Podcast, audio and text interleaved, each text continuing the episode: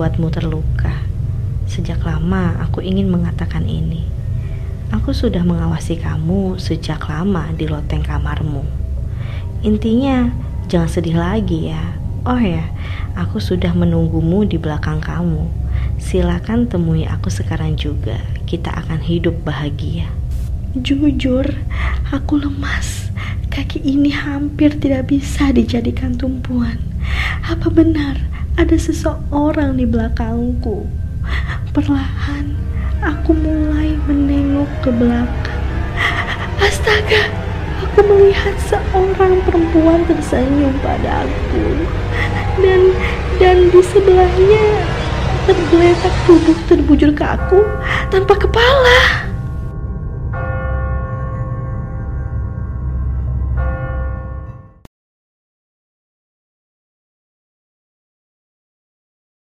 Hola, balik lagi bersama gue Andi. Dalam beberapa menit ke depan, gue akan menemani kegabutan kalian, keisengan kalian yang mau mendengarkan podcast ini hingga habis.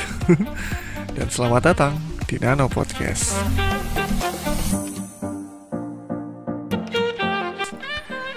Ada hal baru yang akan gue perkenalkan kepada kalian. Dalam podcast ini, gue akan mengajak teman-teman untuk saling sharing dan berbagi mengenai cerita apa pun ke dalam channel ini. Contohnya cerita horor, cerita senang, cerita galau, cerita kesel ataupun cerita gibah. Yang bisa menjadikan sebuah pelajaran ataupun motivasi dari setiap cerita yang masuk akan jadikan konten di episode selanjutnya. Bagi teman-teman yang tertarik, bisa kemas ceritanya baik dalam berupa teks ataupun record suara. Bagikan cerita kalian ke email Nano Podcast di nanopodcast77 at gmail.com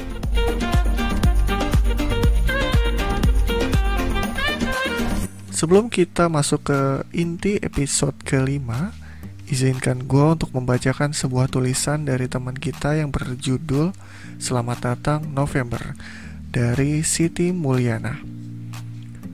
Selamat datang November. Jadilah bulan yang baik untuk hati-hati yang patah hati hari ini. Jadilah si pemeluk bagi mereka yang masih bertanya ke mana perginya cinta yang katanya untuk ada selamanya. Jadilah penenang yang hebat agar air mata tak perlu lagi jatuh bersama dengan rindu yang tak tertuju. Jadilah pendengar setia, karena si penikmat cinta dalam diam terlalu takut untuk menyatakan perasaannya. Terima kasih telah hadir kembali. Semoga tahun depan kita masih berjumpa lagi. Bye Siti Mulyana. Anjay, dalam banget kata-katanya. Oke, itu hanya sebuah selingan dari inti episode kelima kita. Sebelum kita masuk mulai ke episode kelima, kayaknya musiknya agak sedikit nggak cocok ya. Kita ubah dulu musiknya. Ting! Di awal tadi gue udah memutarkan sebuah klip cerita horor yang berjudul Penggemar Rahasia. Bagi kalian yang penasaran bisa langsung kunjungi akun YouTube-nya dengan keyword pernah nggak sih dan follow juga Instagram mereka di Creepy Latte. Untuk episode ke-6 gue akan mereaction cuplikan cerita horor tersebut full versi. Bagi teman-teman yang penasaran, stay tune terus ya di Nano Podcast. Untuk podcast kali ini kita buat agak sedikit uji nyali. Kalian siap? Welcome to Horror Story by Nano Podcast.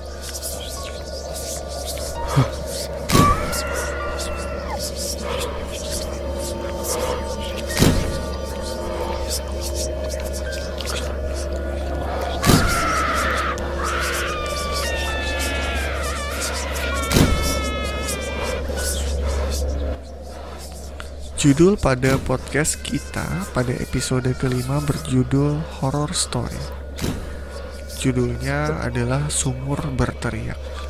Cerita ini gue bacakan dari akun IG cerita horor Twitter CC akun Twitter di Woyroy at Rio O nya 2 433 Aku akan menceritakan sebuah kisah nyata yang dialami teman sepupuku sewaktu kuliah. Sebut saja Ridwan. Kejadiannya berlangsung di tahun 1991. Ridwan diterima di suatu universitas negeri di Yogyakarta dan mengharuskan ia tinggal di rumah neneknya yang sudah lama meninggal. Jadi background ceritanya terjadi pada tahun 1991.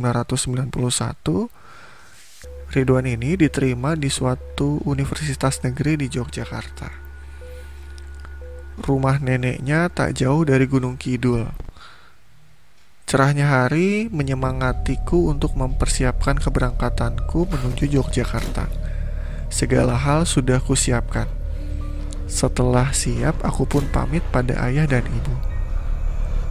Ridwan pun berangkat dari kota asalnya yaitu Bekasi hingga ke Jogja. Sampailah di depan rumah tua yang usang tak terawat. Karena memang nenekku sudah lama meninggal, barang-barangnya pun masih tertinggal di dalam. Nenekku adalah seorang yang memiliki ilmu kejawen yang kental. Oh, bagi teman-teman yang nggak tahu, kejawen itu adat kejawa Jawaan sih yang lebih ke mistis gitu sih. Kemudian kita lanjutkan, jadi tak jarang di rumahnya masih banyak benda-benda pusaka yang tertampang di dinding, seperti keris, semar mesem, pring petuk dan lain-lain. Semar mesem ini apa ya? Oke kita lanjut. Aku pun berniat membersihkan rumah itu sebelum menempatinya. Tiba-tiba pandanganku tertuju pada gamelan yang digantung. Ya, dulu nenekku sering memainkan gamelan tersebut. Tiba-tiba ketukan pintu rumah membuyarkan lamunanku. Yang ternyata teman kecilku sewaktu di Bekasi, sebut saja dia Adam. Adam ini sudah lama tinggal di Jogja karena dia juga seorang mahasiswa di universitas ternama di Jogja dan kebetulan di universitas yang sama dia ku ajak untuk mendiami ru di rumah nenekku tok tok tok oh jadi si Adam masuk nih aku pun bergegas menuju pintu kulihat Adam sedang menenteng koper miliknya Eh, Adam sudah datang. Ayo masuk. Sorry nih masih kotor rumahnya belum gue bersihin. Kata Ridwan. Santai aja kali Wan. Ayo gue bantu bersihin. Kata Adam. Setelah semuanya beres, aku pun duduk di ayunan di belakang rumah dan berbincang hangat dengan Adam. Latar belakang rumah ini memiliki dua lantai, empat kamar, satu kamar buat gudang, kamarku, di bawah kamar Atta Adam di atas kamar pat nenekku yang biasa tidur dan sudah lama tidak terpakai. Ruang makan di tengah bersama pusaka-pusaka yang tertempel di dinding. Kamar mandi dekat teras belakang. Tiba-tiba ada bangkit dari duduknya dan beralasan mau cari makan. Oh jadi pada saat mereka ngobrol pas baru datang si Adam si Adam ini pergi, mau katanya mau cari makan. Akhirnya aku pun sendirian di ayunan, hanya ada suara besi yang bergesekan. Pandanganku tertuju pada sumur yang tertutup besi seng. Kulangkahkan kakiku menuju sumur tersebut. Sumur ini memang sudah lama tidak terpakai, bahkan saat nenekku masih hidup. Aku nggak tahu alasannya kenapa. Akhirnya aku geser besi seng tersebut yang menutupi sumur tersebut. Anjir ini orang kepo banget. Udah tahu sumur tua pakai dilihat-lihat ngapain coba? Aku pun melonggok untuk melihat sumur itu kosong dan gelap. Akhirnya aku ambil batu untuk memastikan apakah di dalam sumur itu ada air atau tidak. Saat ku lempar batu ke dalam sumur pluk. Suara air nggak kayak gitu kali ya? Bling oh kayak gitu. Oh, enggak. Ya pokoknya suara air lah. Ternyata masih ada air di dalamnya. Akhirnya, kubiarkan sumur itu terbuka tanpa tertutup seng. Gak lama Adam kembali membawakan sejumlah makanan dan kopi. Wan, makan yuk, kata Adam. Ayo, gue udah lapar banget nih dari tadi. Ridwan pun menjawab. Kami pun menuju ruang makan. Tiba-tiba tercium aroma bunga kantil yang menusuk hidung lantas aku langsung menanyakan hal ini pada Adam yang sedang menikmati makanannya. Bunga kantil tuh bunga apa ya? Bagi teman-teman yang tahu bisa komen di bawah. Dam, lu nyium bunga kantil nggak? Ridwan. Enggak, emang kenapa? Ada menjawab. Aku pikir itu hanya halusinasi saja. Ah, nggak apa-apa. Aku pikir. Aku pun melanjutkan makananku. Setelah selesai makan, aku dan Adam masuk ke kamar masing-masing karena habis lelah membersihkan rumah ini seharian.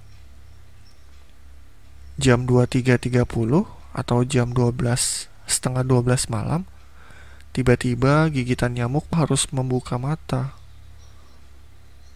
Dan betapa terkejutnya aku karena sedang berada di depan sumur. Loh kok gue di sini? Anjir, kok bisa Pas bangun ternyata dia udah di sumur.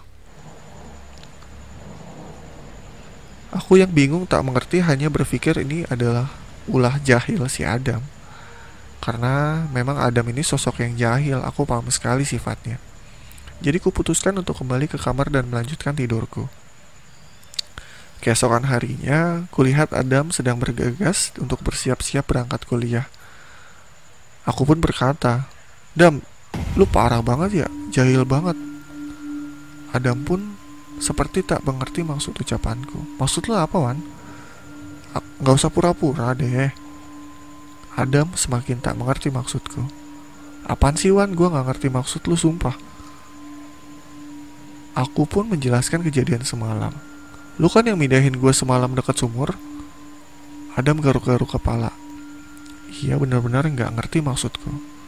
Gua aja sama lo duluan gua tidurnya. Lah, terus yang mindahin gua dari kamar siapa? Oh, jadi si Adam ini tidur duluan dan si Ridwan ini baru nyusul. Terus kata si Ridwan, "Loh, terus yang mindahin gue siapa?" Kagak tahu. Udah, gue mau berangkat. Adam pun pergi. Aku mengira aku sedang mengigau semalam hingga berjalan ke dekat sumur. Ah, ya udahlah, Mungkin gue cuma ngigo. Jam 18.30 Setelah selesai dari kegiatan kuliah, aku pun segera menuju rumah karena takut kemalaman pikiranku. Jam segini sudah sepi banget karena warga biasanya beristirahat di rumah ataupun mengaji di masjid. Setelah sampai di rumah, aku buka pintu, ku kunci pintu. Ternyata Adam sudah pulang duluan. Dia sedang makan di ruang makan dengan tubuh membelakangiku. Aku langsung berkata, Wes makan apa, Dam? Ia pun hanya diam. Aku pun melangkah mendekatinya. Tiba-tiba ketukan pintu harus menghentikan langkahku dan berbalik menuju pintu.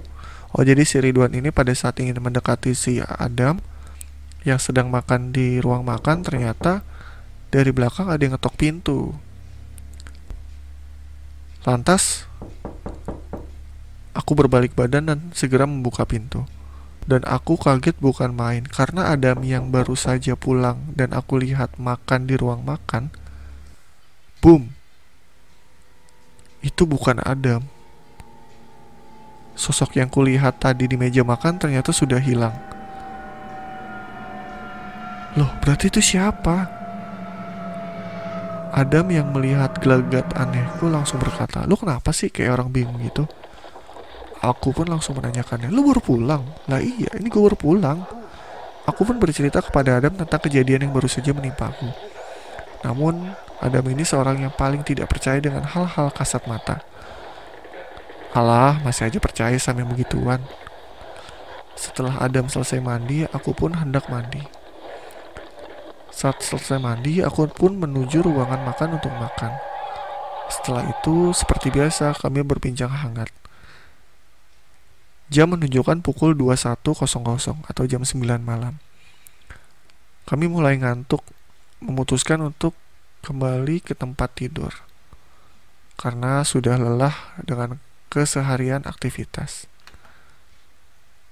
Kami berdua menuju kamar masing-masing Aku pun yang sedang pulas tertidur harus terbangun karena suara, suara langkah kaki di lantai dua.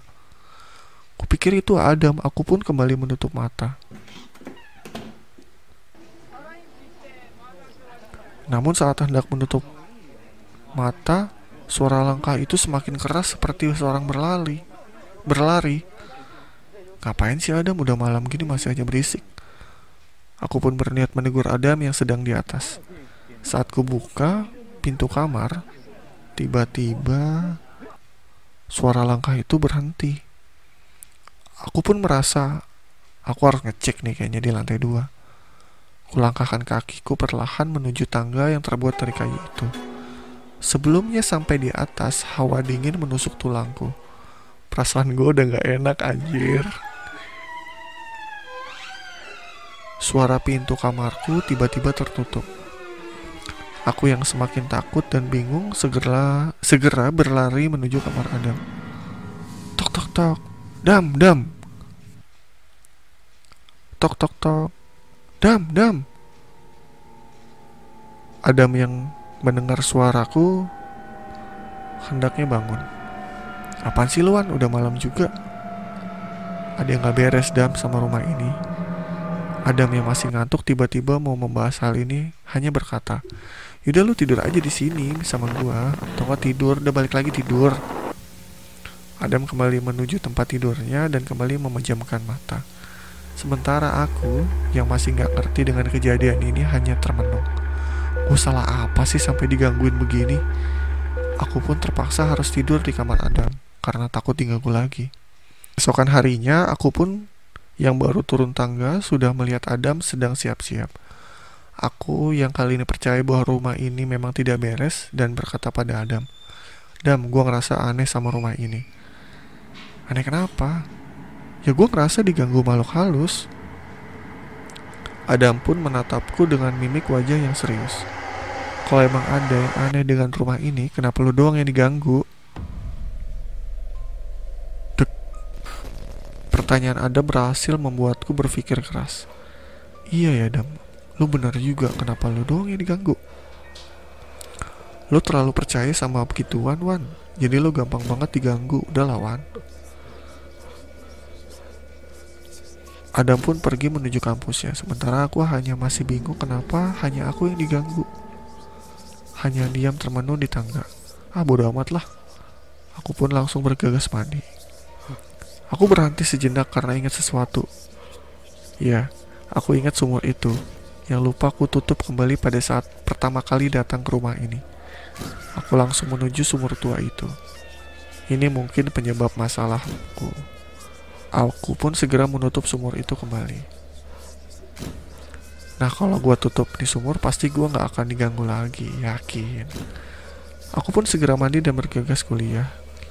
Setelah selesai kuliah, aku pun pulang dengan bangga karena aku merasa tidak diganggu lagi. Aku sudah berada di depan pintu rumah. Aku buka pintu yang ter, yang tidak terkunci karena saya gue yakin Adam udah pulang duluan. Dam, Dam, Dam, panggilanku tidak disaut Adam. Ah mungkin dia udah tidur. Aku pun bergegas mandi, dan setelah hendak mandi muncul mun, muncul suara langkah kaki yang begitu berat. Aku memastikan bahwa itu bukan Adam.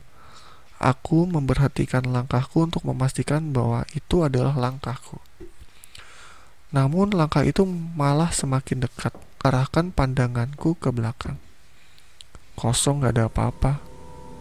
Siapa-siapa, siapa ya? Aku pun memutarkan kembali pandanganku ke depan. Boom. Ternyata sosok wanita dengan wajah penuh tusukan, hidungnya yang terbelah, matanya yang dialiri darah, dan senyum yang lebar dihiasi tawanya yang khas. Anjay. Jadi oh jadi si Ridwan ketemu sosok penunggunya nih. Yang berhasil membuatku berteriak keras secepat mungkin. Parah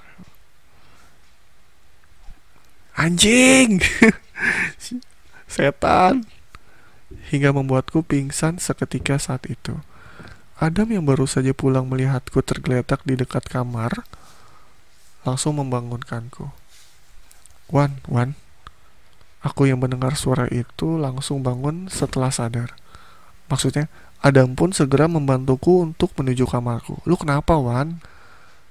Eh, gue liat kuntilanak, Dam. Adam pun harus percaya kali ini. Karena melihat kondisiku. Ya udahlah, lu sekarang tidurnya sama gua aja Wan sampai ini semua selesai. Adam kata kata Adam. Kapan ini semua selesai? Adam menaikkan bahu seolah tidak tahu. Udah, lu istirahat aja. Besok kita bahas. Kami pun berdua tidur jam 1.30. Tiba-tiba... Suara barang jatuh dari gudang dan ruang makan membuatku harus bangun dari tidur pulasku. Sontak aku membangunkan Adam yang telah tertidur pulas. Dam bangun dam anjing bangun itu suara apaan? Sepertinya aku harus mengecek sendiri keadaan di luar. Aku pun beranjak dari tempat tidurku menuju ruang tamu terlebih dahulu. Suara pintu berdecit membuat suasana semakin mencekam. Ruang makan lama-lama terlihat dari pintu kamarku, yang membuatku bingung sekaligus takut karena benda-benda pusaka milik nenekku terjatuh. Siapa yang berani membuat seperti ini? Tiba-tiba suara tawa menghiasi sepinya malam itu. Haji, lagi ngapain sih malam-malam kepo banget? Suara tawa yang muncul dari baliknya tembok keras membuatku semakin dihantam merasa penasaran. Bodoh ah, aku malah udah gue penasaran. Perlahan kulangkahkan kakiku menuju suara tawa tersebut. Semakin dekat dengan suara itu, semakin menjauh aku dari kamarku. Aku sudah berada di, di tepat di teras belakang. Gelap dan kosong, itulah yang pertama kulihat. Karena penerangan pun hanya menggunakan lilin yang ditempel di belakang teras belakang, ku ambil lilin tersebut sebagai peneranganku menjelajahi teras belakang. Suara tawa itu hilang berganti dengan suara seperti orang merintih kesakitan. Rasa penasaranku membuat semakin menggila dengan suara tersebut. Aku malah kepo sih anjir. Gue gak habis pikir gue mah kabur sih kalau ada suara-suara kayak gitu. Ini mah kepo. Suara tersebut seperti berasal dari sumur. Aku pun mendekati sumur tersebut dengan langkah yang teramat berat. Aku semakin dekat dengan sumur itu. Saat sudah berada di depan, kuarahkan cahaya pada sumur tua yang kulihat pada malam hari itu. Tiba-tiba suara tersebut hilang. Aku pun yang semakin ngeri dengan keadaan ini berusaha kembali menuju kamar. Betapa terkejutnya sosok wanita itu kembali padaku sambil memegang kakiku yang hendak pergi dari sumur. Anjir, kakinya dipegang. Anjir. Goblok banget dah sumpah. Lagi lu ngapain sih kepo-kepo salah sendiri lu mampus. Saat itu badanku bergetar hebat. Aku pun hampir pingsan lagi. Namun kulawan dengan suara teriakan. Membuat Adam menuju ke teras belakang. Dam, tolong Dam, Dam, tolong. Teriakku sekeras mungkin. Adam yang mendengar teriakanku segera menuju teras. Ada apa, Wan? Kuntilanak, Dam, kuntilanak di mana? Ini di kaki gua. Adam pun melihat dan menyoroti kakiku dengan cahaya lilin yang kupegang. Tiba-tiba sosok itu hilang. Mana Wan kagak ada. Kaki lu tuh bau anjir. Nyeker lu ke belakang. Tadi ada di kaki gua Wan, sumpah gua gak bohong. Ya sudah lawan ayo tidur. Aku dan Adam pun pergi meninggalkan sumur tersebut. Namun saat hendak masuk kamar, Adam berhenti dan berbalik mengamati ruang makan dan berkata, Loh, kok ini barang-barang milik nenek lu jatuhan? Gak tahu dam pas gua keluar ini udah berantakan gini. Adam seperti sedang tidak mau membahas hal ini. Pada saat Adam melihat ruang makan, Adam pun baru benar-benar percaya. Ini, ini ulah siapa Wan? Terus siapa kalau bukan elu? Terus ini gimana Wan? Ya nggak tahu lah Adam, gue juga pusing sama rumah ini. Tiba-tiba ketukan pintu semakin keras membuat kami berdua penasaran siapa di balik pintu tersebut. Buka pintunya Giwan. Ah gila masa gue yang buka dam. yaudah gue yang buka tapi lo yang lihat gimana oh jadi si Adam bilang gue yang bukit gue yang buka tapi lo yang lihat yaudah dem yaudah dam daripada gue yang lihat mending gue yang buka aku pun segera menuju pintu kamarku aku sudah berada di belakang pintu dan tanganku sudah siap di dalam pintu tersebut suara pintu perlahan terbuka Bersama suara pintu yang berdecit membuat suasana semakin menegangkan. Pintu sudah terbuka dan lagi-lagi tidak ada siapa pun di sana. Membuat kami semakin bingung setengah mati. Oh, jadi kepo nih orang berdua. Tiba-tiba duk duk duk duk. Suara langkah kaki terdengar di lantai dua. Semakin membuat kami terkejut yang luar biasa. Udah tutup aja pintunya Wan, gak usah diladenin kata Adam.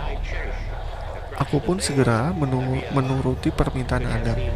Perlahan kututup pintu kamarku kembali. Dan saat berbalik menghadap Adam, aku melihat lagi-lagi sosok wanita. Ya, sosok wanita itu sedang berada di samping Adam yang tengah duduk di kasurku. Lantas aku memberikan kode kepada Adam. Dam, di samping lu, Dam. Di samping lu. Adam pun menoleh perlahan ke samping. Sontak membuat Adam yang mengaku baru pertama kali melihat penampakan itu harus berhamburan keluar bersamaku. Aku dan Adam menuju rang makan. Kami pun hanya berdiri termenung bersama ketakutan yang kami hadapi. Kapan ini bisa berakhir? Tiba-tiba suara gamelan muncul. Terdeng terdengar dari kamar nenekku yang berada di dekat pintu masuk di rumah. Aku yakin itu nenekku. Aku segera mengajak Adam untuk memasuki kamar nenekku. Dam, nenek gua Dam. Hah? Nenek lu kan udah meninggal. Iya, emang udah lama meninggal. Tapi nenek gua kayak kasih kode gitu ke ke kita untuk ke kamarnya. Terdengar dari suara gamelan itu. Aku pun yang semakin bingung dan tidak mengerti maksudnya hanya dia. Nah, ayo ke kamar nenek gua Dam. Karena aku tahu pasti nenek tahu tentang apa yang terjadi di rumah ini kami pun melangkahkan kaki menuju kamar nenekku. Pintu pun kubuka perlahan dihiasi suara pintu kayu khas. Kulihat nenekku sedang duduk di ranjang kayu miliknya. Anjir, ketemu neneknya udah meninggal. Sambil tersenyum seperti aku sedang berkunjung di rumah nenek. Di setiap pergantian tahun dulu. Lalu nenek berkata, anjing neneknya ngomong. Padahal kan udah meninggal. Sini le, sambil mengisyaratkan kami berdua untuk duduk di bangku panjang yang berada di depan nenekku. Adam yang bingung mengikuti langkahku dari belakang, kami berdua pun duduk dengan berhadap-hadapan dengan nenek. Tak pakai lama, aku segera menanyakan tentang rumah ini pada nenek. Nek, sebenarnya apa yang terjadi pada rumah nenek? Nenek pun tersenyum padaku. Kamu mau tahu, Le? Iya, Nek. Aku gak tahan sama semua ini. Baiklah, akan kuceritakan padamu apa yang terjadi pada rumah ini. Dulu, sebelum nenek menempati rumah ini, ada seorang kembang desa yang tinggal bersama ayah dan ibunya. Ia sangat ramah dan cantik. Para lelaki di sini dibuat jatuh hati padanya. Namun, semenjak kematian ayah dan ibunya, sifatnya pun berubah menjadi seorang yang sombong dan tidak suka bergaul. Lebih senang menyendiri. Banyak laki yang tertarik kepadanya, namun ditolak yang mentah-mentah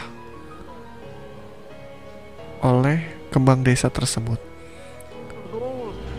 Kondisi tersebut membuat para lelaki itu sakit hati.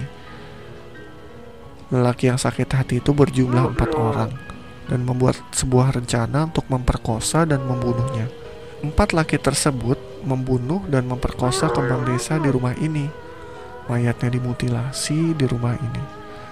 Kemudian empat lelaki itu memasukkan mayatnya ke dalam sumur yang ada di teras belakang. Semenjak itu arwahnya bergentayangan di rumah ini. Dan saudara dari kembang desa itu berniat untuk menjual rumah tersebut. Ada satu keluarga yang mau membeli rumah ini dan menepatinya namun gak bertahan lama, hanya sekitar seminggu karena tak kuat dengan gangguan yang ada di dalamnya. Lantas sang pemilik menjual rumah itu lagi. neneklah yang akhirnya membeli rumah ini. Karena nenek tahu dia menjadi arwah penasaran di rumah ini dan suka mengganggu para penduduk desa, akhirnya nenek memutuskan untuk membeli rumah ini dan menutup sumur tua agar arwah tersebut tenang. Lalu apa salahku hingga aku diganggu, Nek? Pertama, kamu sudah mengganggu tempat peristirahatannya. Yang kedua, kamu mirip salah satu dari pembunuhnya, Le. Aku pun mendengar pertanyaan itu tercengang bukan main. Lantas apa solusinya, Nek, agar ia tidak menggangguku lagi? Akan kubawa ia bersamaku ke alam baka. Tak lama nenek menghilang, kemudian gangguan yang kami alami pun hilang. Keesokan harinya kami seperti orang tidak percaya. Kejadian yang kami alami bisa dijadikan sebuah pelajaran untuk siapa pun. Jangan pernah sembarangan ataupun melakukan hal-hal aneh seperti melempar batu ke sumur ataupun ya harus ada tata keramanya pada saat baru pertama kali ke sebuah tempat baru.